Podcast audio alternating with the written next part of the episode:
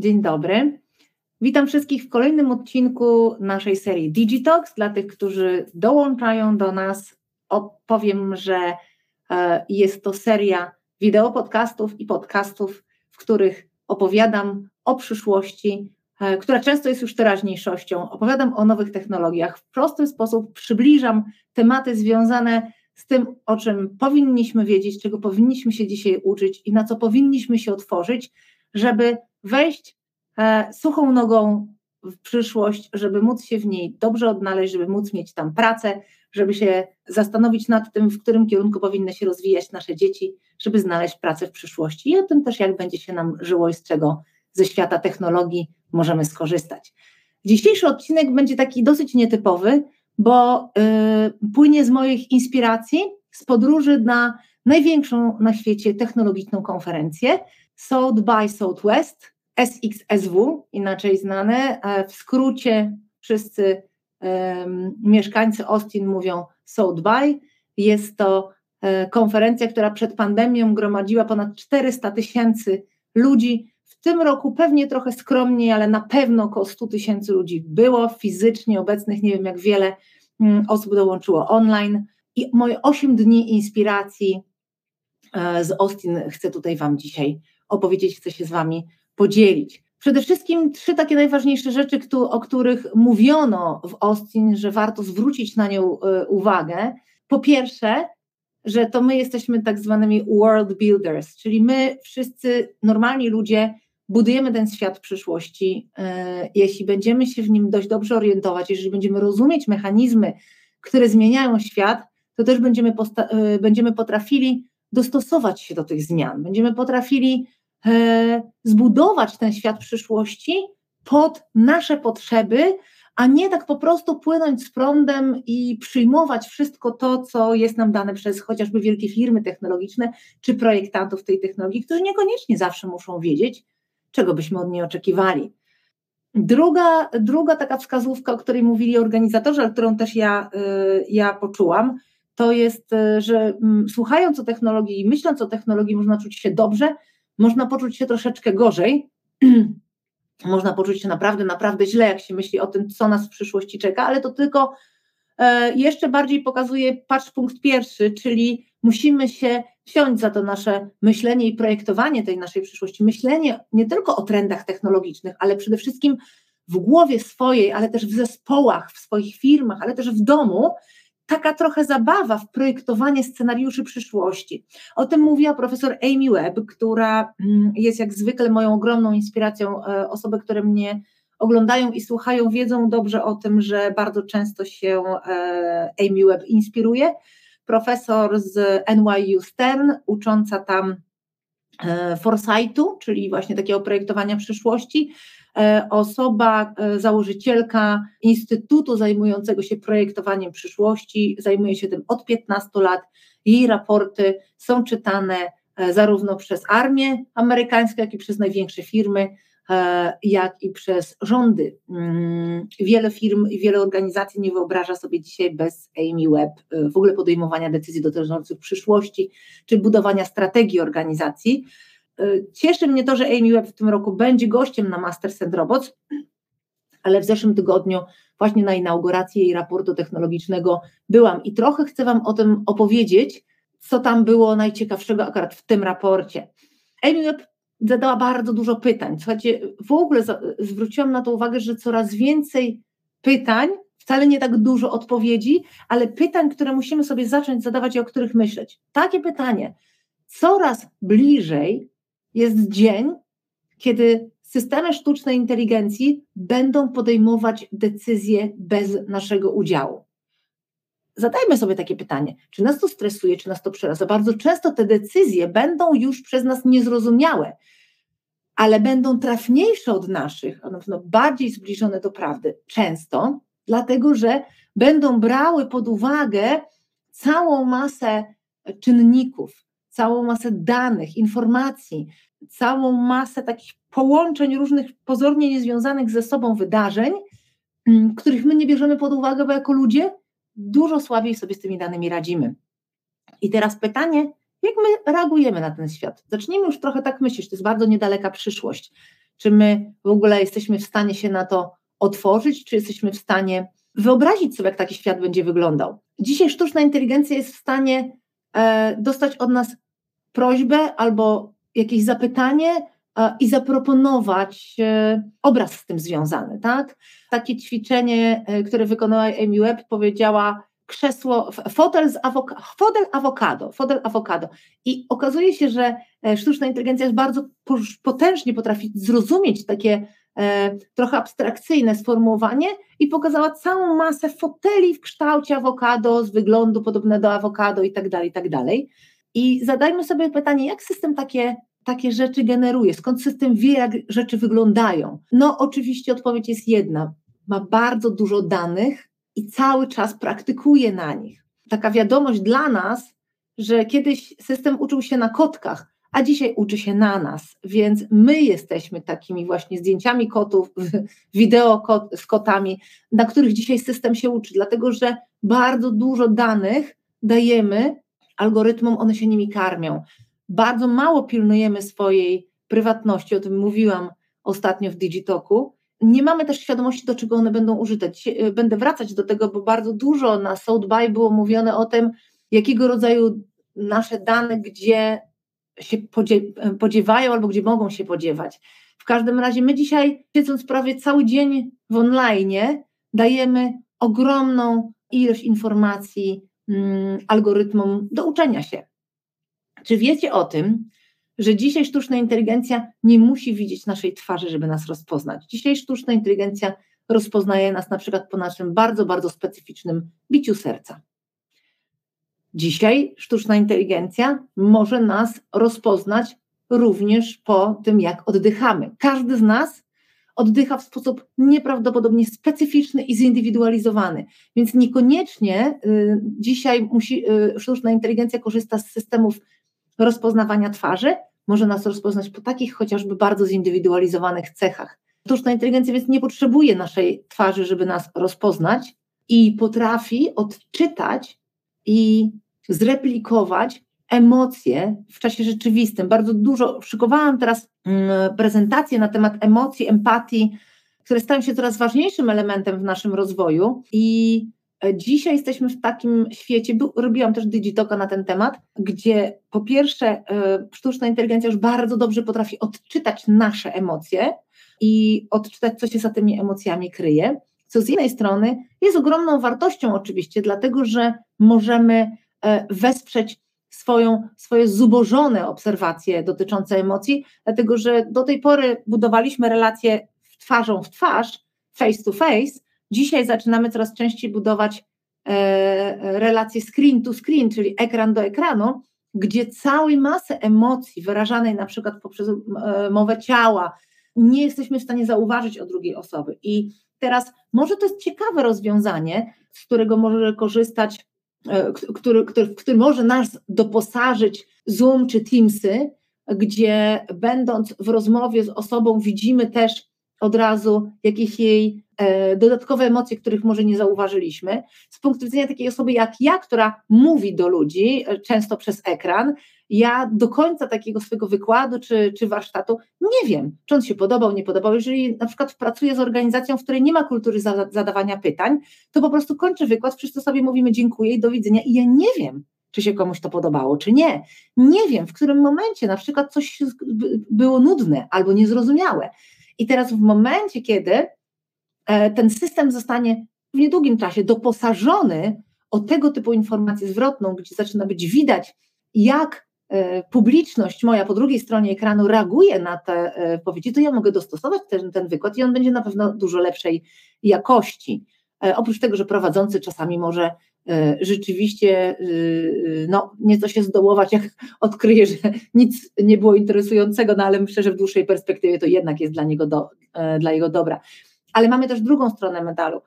Technologia, która potrafi odczytać nasze emocje, może też je zreplikować, może też je udawać. Tak? Wiadomo, że nie będziemy mieli sztucznej inteligencji emocjonalnej w rozumieniu emocjonalności ludzkiej, która jest naturalna, natomiast fantastyczne kopiowanie takich emocji, albo też pokazywanie nam takich emocji, które w nas jakieś emocje wzbudzą.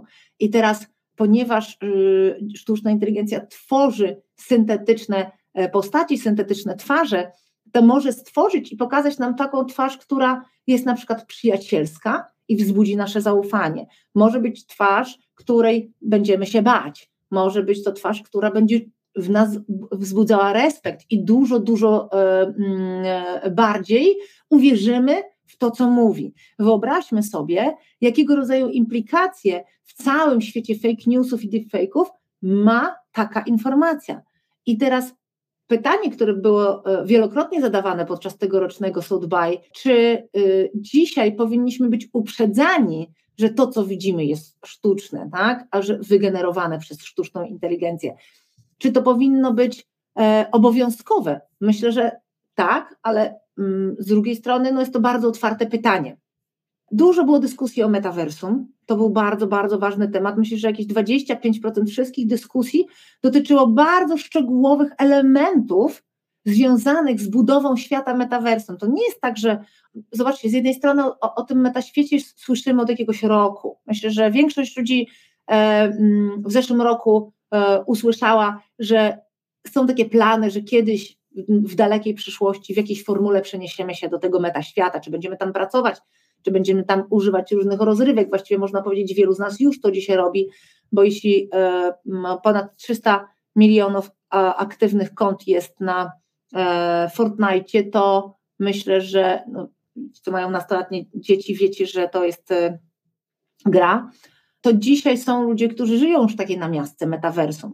Ale tak wiele dyskusji rzeczywiście mnie zaskoczyło i tak głębokich, e, na przykład jak będzie wyglądał rynek pracy w metaversum. Jeżeli kilka lat będziemy pracować w takiej przestrzeni, to nasuwa się kilka pytań. Po pierwsze, jaką postać ja w tej przestrzeni będę, e, będę mieć? Czy mogę wybrać ją dowolnie i na przykład przyjść do pracy, pojawić się w pracy w metaversum jako, e, nie wiem, trzyletnie dziecko, czy firma, w której będę pracować wtedy, określi możliwe awatary, pod jakimi mogę się po, e, pojawić, bo być może będzie wymagała ode mnie, żebym się pojawiła pod postacią własną.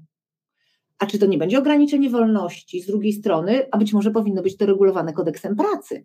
I teraz zobaczcie, jak wiele pytań, jak wiele pytań, w zależności od tego, w jaki obszar tego, tej przyszłości metaver, meta, w metaversum, e, w zależności od tego, jaki obszar weźmiemy, pojawia się cała masa dodatkowych pytań, na które już dzisiaj szuka się odpowiedzi.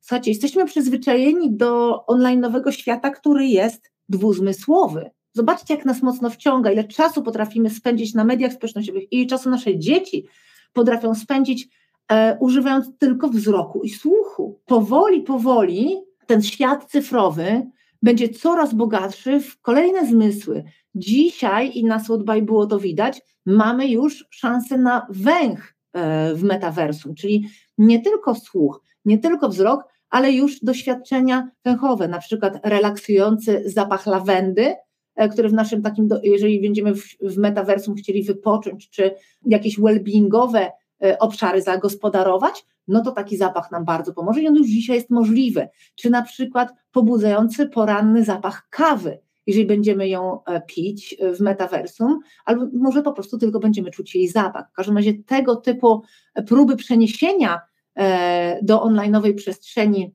również węchu już są. Zaczęli, zadawaliśmy sobie pytanie na Southby, jak będziemy zarabiać pieniądze. E, I teraz dla mnie, matki dwunastoletniej młodej osoby, jest to bardzo ważne pytanie, jak będziemy zarabiać, jak oni będą zarabiać, bo wiele z naszych dzieci znajdzie zatrudnienie w metaversum. I teraz taki wątek mi się pojawił w dyskusji, bo wiele rzeczy w metaversum trzeba będzie stworzyć. I twórcy, kreatorzy, artyści będą w metaversum bardzo mile widziani.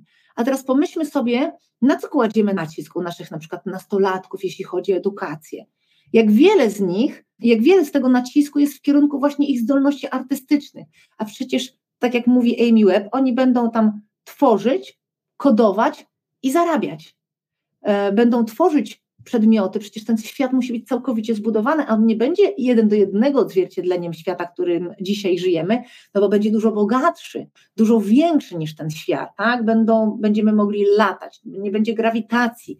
Hmm, cała masa możliwości, których nie mamy w realnym świecie, właśnie będzie stanowiła przewagę w metaversum. I teraz coraz y, więcej organizacji już buduje takie produkty, towary, usługi e, na potrzeby w tej chwili gier, ale też myśli się na potrzeby przyszłego metaversum. I teraz pomyślmy sobie, ja e, w zeszłym roku patrzyłam na listę w szkole u mojej córki nie ma takich zwykłych wywiadówek, natomiast e, co miesiąc można się do każdego z nauczycieli umówić na takie 10-15 minutowe spotkanie w sprawie swojego dziecka. I przyszłam kiedyś pod koniec mm, już zapisów i zobaczyłam, na co zapisują e, się rodzice, na jakie spotkania.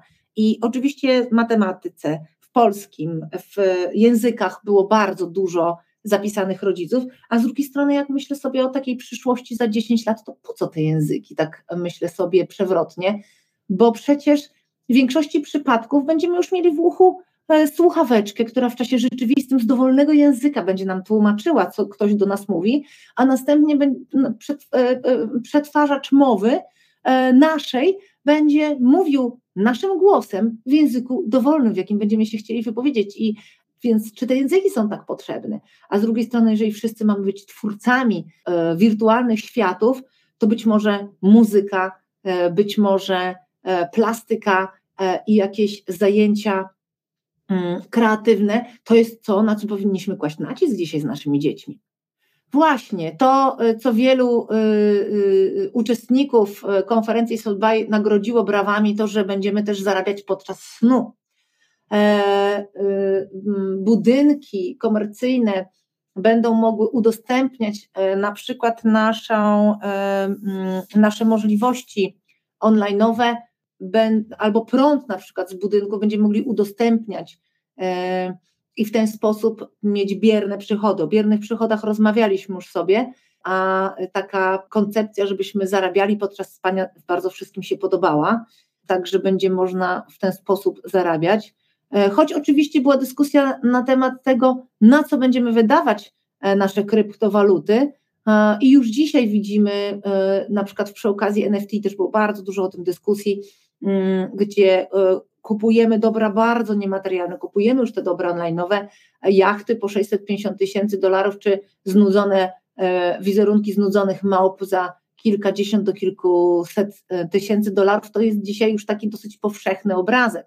E, była też ciekawa dyskusja o tym, co się będzie działo, jak już skończymy ten nasz bardzo ciekawy i pracowity dzień w metaversum, co się będzie działo, kiedy pójdziemy spać.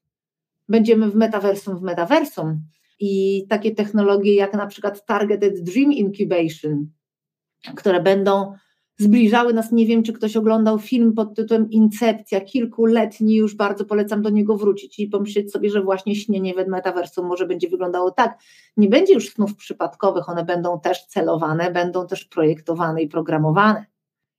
Drugim takim ważnym wątkiem, który się pojawiał, była biologia syntetyczna. Miałam okazję być na wykładzie e, Joshua Zainer, E, jeżeli nie oglądaliście jeszcze e, takiego krótkiego serialu dokumentalnego Nienaturalna selekcja na Netflixie, Unnatural Selection, bardzo gorąco polecam. Jednym z bohaterów w tego filmu jest dr Josiah Zainer, były pracownik NASA, obecnie osoba, która demokratyzuje technologię CRISPR.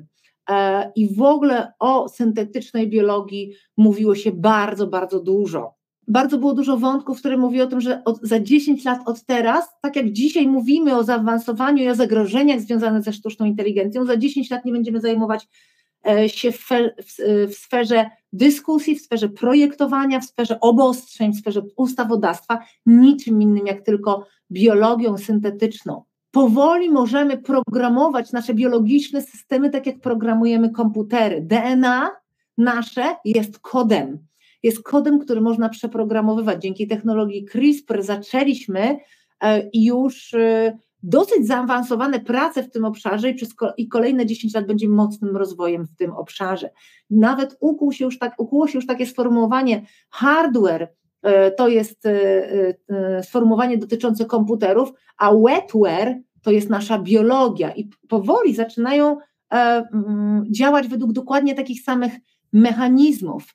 Z drugiej strony, te same wielkie firmy technologiczne, do których, do których często utracamy zaufanie, jak Google, Facebook, też pracują nad tematyką naszej biologii, tak? bo, bo jest im łatwo przejść od kodowania e, te, e, technologii do kodowania ludzkiego DNA.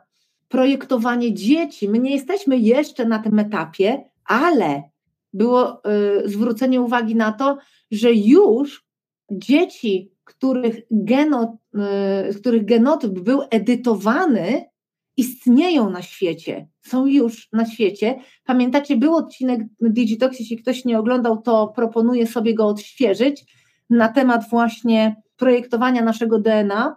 E, I takie bliźniaki w Chinach się już urodziły. To oznacza, że mimo tego, że nie mamy takiej do końca mocnej świadomości, to już dzisiaj żyjemy w świecie, w którym żyją upgrade'owane, powiedzmy sobie, poprawione osoby, poprawione, e, poprawieni ludzie i analogii, takie jak ja, czy pewnie wy. I teraz dzisiaj mamy oczywiście ten świat zdominowany przez jeszcze osoby analogowe, które po prostu tak jak się urodziły, tak są, ale powoli zacznie się ta sytuacja trochę wyrównywać. Ja pamiętam, e, będąc nastolatką, czytałam takie opowiadanie fantastyczne. Moja fascynacja technologią zaczęła się od fantastyki i w takim było to opowiadanie fantastyczne, w którym e, można było modyfikować e, genotyp pod kątem spania i e, można było zaprojektować, że tak powiem, przed urodzinami swoje dziecko, żeby musiało, nie potrzebowało snu. I teraz żyją dorosłe osoby w tym właśnie dokumencie, w tym właśnie science fiction opowiadaniu, które nie śpią w ogóle, nie mają takiej potrzeby i te, które normalnie śpią. I teraz jest e, młoda kobieta, która studiuje, która nie śpi, więc w związku z czym e, wtedy, kiedy inni śpią, ona może się uczyć, może mm, zwiedzać, może przeżywać. Pokazane jest też e, bardzo ciekawie w tym, mm, w tym opowiadaniu, jakie jest rozwarstwienie między tymi dwoma grupami. Ci analogowi nienawidzą tych nieśpiących, dlatego że oni są uprzywilejowani, mają więcej możliwości. Teraz taki świat za chwilę nas czeka i oczywiście wielka dyskusja, na ile ustawodawstwo wejdzie w ten obszar, na ile go obwarowuje, co będzie można robić, czy będziemy leczyć choroby genetyczne. Tak, chcielibyśmy wszyscy. Jest mnóstwo osób, które umiera wciąż na choroby genetyczne, ale czy będziemy poprawiać, czy będziemy e, mieć, czy, czy olimpiada specjalna będzie się tak nazywała, dlatego że będą tam występować ludzie tylko i wyłącznie modyfikowani genetycznie w niektórych obszarach, bo już nie będą mogli rywalizować z analogowymi ludźmi, prawda? To wszystko są tematy, które e, są już dzisiaj dyskutowane, a za chwilę będą w realnym świecie. Nie wiem, czy wiecie, ale jedna na pięć osób w Stanach Zjednoczonych zapłaciła jakiejś prywatnej firmie, żeby e, wysekwencjonować swój kod DNA, czyli żeby przyjrzeć się i zbadać ten kod DNA. A czy myśleliście kiedyś, e, ci z Was, którzy skorzystali z tej e, możliwości, albo, ale też ci, co niej nie skorzystali, kto jest właścicielem naszego DNA? Jeżeli my pójdziemy do lekarza, zbadamy to DNA, to kto jest wtedy właścicielem tych danych, tej wiedzy? Czy my w jakikolwiek sposób o to zadbaliśmy? Otóż jeśli chodzi o posiadanie e, wiedzy o kodach genetycznych, to wiecie, kto najwięcej na świecie, o tym była dyskusja na South by, bardzo zagorzała, to jest numer jeden właścicielem wiedzy i świadomości na temat naszego DNA rząd chiński. Myślę, że to najbardziej przerażająca e, odpowiedź. Numer dwa to organizacja 23andMe. I teraz taka ciekawostka. Właścicielem, e, właścicielką tej organizacji 23andMe, część również Polaków ma, wysekwencjonowała swój genotyp właśnie w tej organizacji.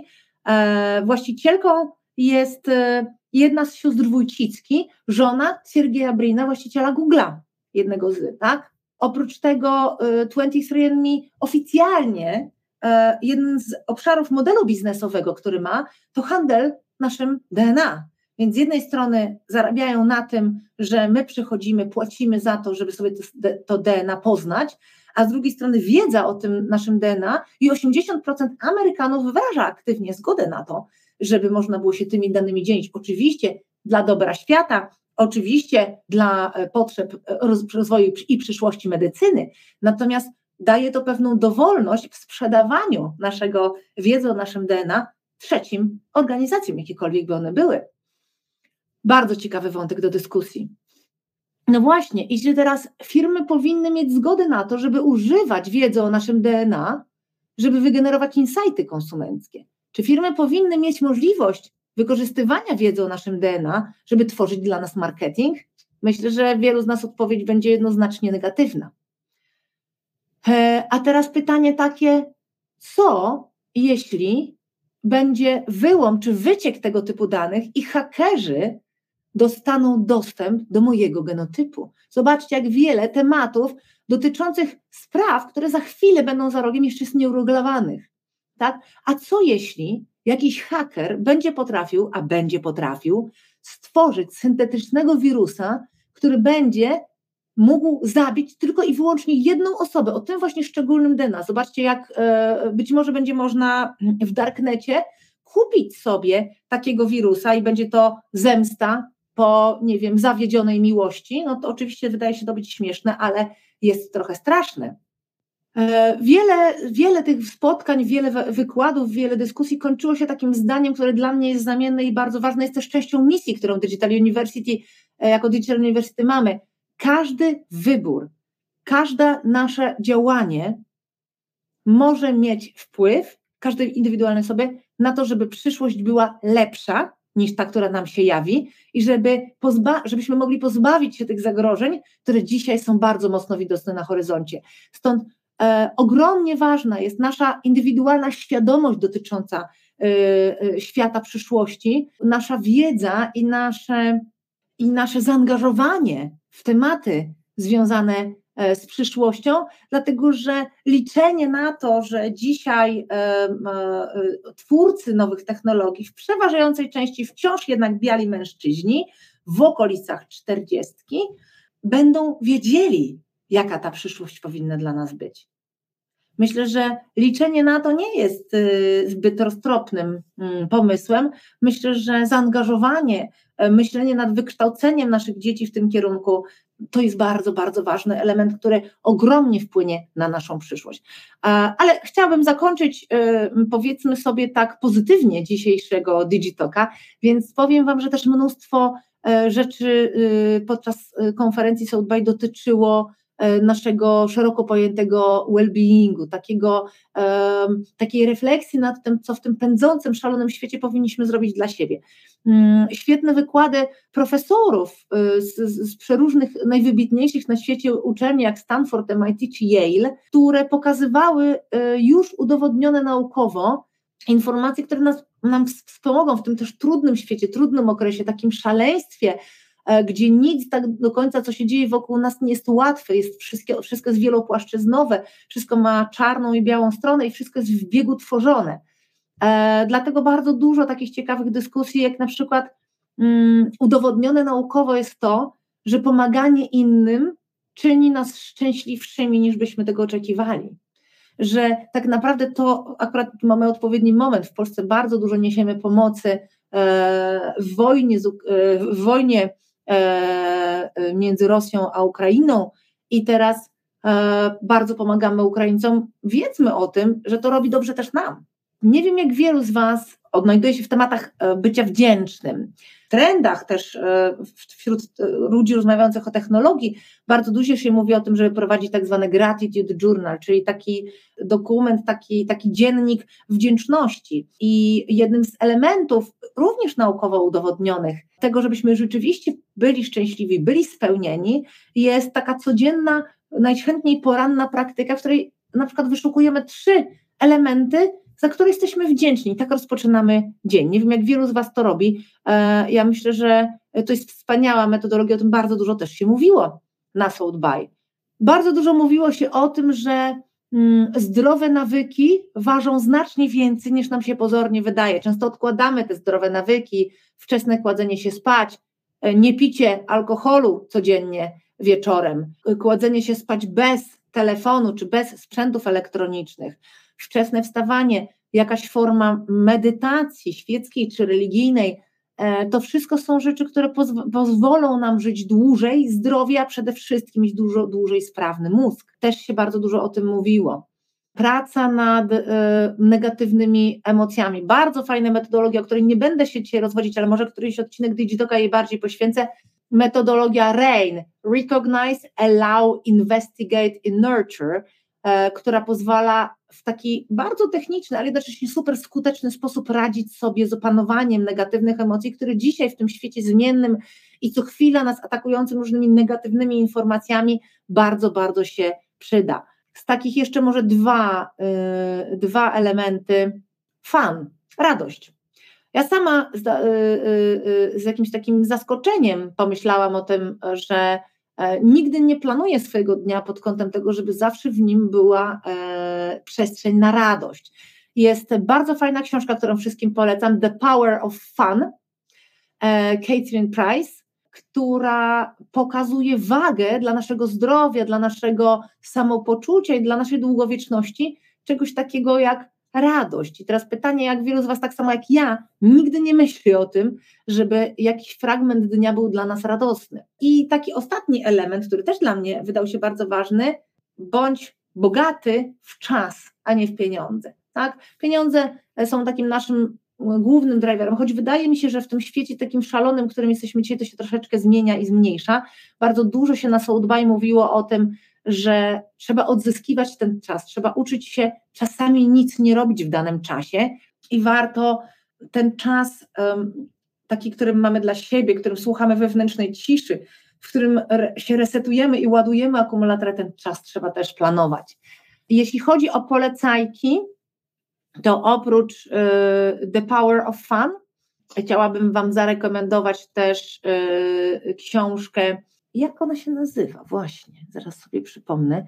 Um, książkę fantastycznej e, ekspertki od emocjonalnej sztucznej inteligencji, przypomniałam się dr Rana El Kaliubi, która opisała, to jest, do, dobrze się to czyta i łatwo, bo to jest historia um, Egipcjanki wychowanej w bardzo tradycyjnej muzułmańskiej rodzinie, która dzisiaj jest um, szefową i twórczynią takiej organizacji Affectiva, która zajmuje się emocjami, e, na, na styku emocji i sztucznej inteligencji. Efektywa e, prowadzi współpracę z na przykład firmami produkującymi samochody, bo dzięki jej technologii jesteśmy w stanie wychwycić zachowanie i emocje kierowcy, czy jest senny, ale też czy jest na przykład wściekły, czy wściekła, przeciwdziałać i zauważyć i zwrócić kierowcy uwagę na te emocje.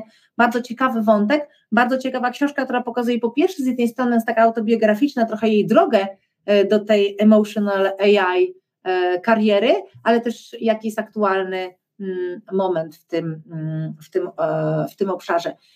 Bardzo gorąco zachęcam też do przeczytania, w ogóle do zainteresowania się tematami biologii syntetycznej. Tak naprawdę to trochę wyprzedzimy dzięki temu przyszłość, ale jakieś najbliższe 10 lat to będzie mocny rozwój w tym obszarze i nieoceniona profesor Amy Webb e, wydała właśnie świeżutko, bo dosłownie miesiąc temu książkę dotyczącą właśnie biologii syntetycznej, historii tego tematu, ale też przyszłości, która no jest obiecująca, ale też przerażająca i bardzo, bardzo warto się w niej e, odnajdywać. Myślę, że wystarczy tej wiedzy. Mm, to jest oczywiście nieduży bardzo fragment e, całej tematyki, która się na mm, odbywała. Ja spędziłam tam 7 e, dni po 8 godzin w salach konferencyjnych. To, co udało mi się zobaczyć, to te najciekawsze rzeczy dzisiaj. E, dzisiaj się nimi z Wami podzieliłam. Napiszę jeszcze kilka artykułów na ten temat, żeby trochę głębiej wejść w niektóre z tematów, ale bardzo Was gorąco zachęcam do tego, żebyście pisali E, do mnie, e, co Wam się podobało, które tematy Was bardziej ciekawią. Przygotuję może kolejne odcinki już konkretnie poświęcone danej tematyce.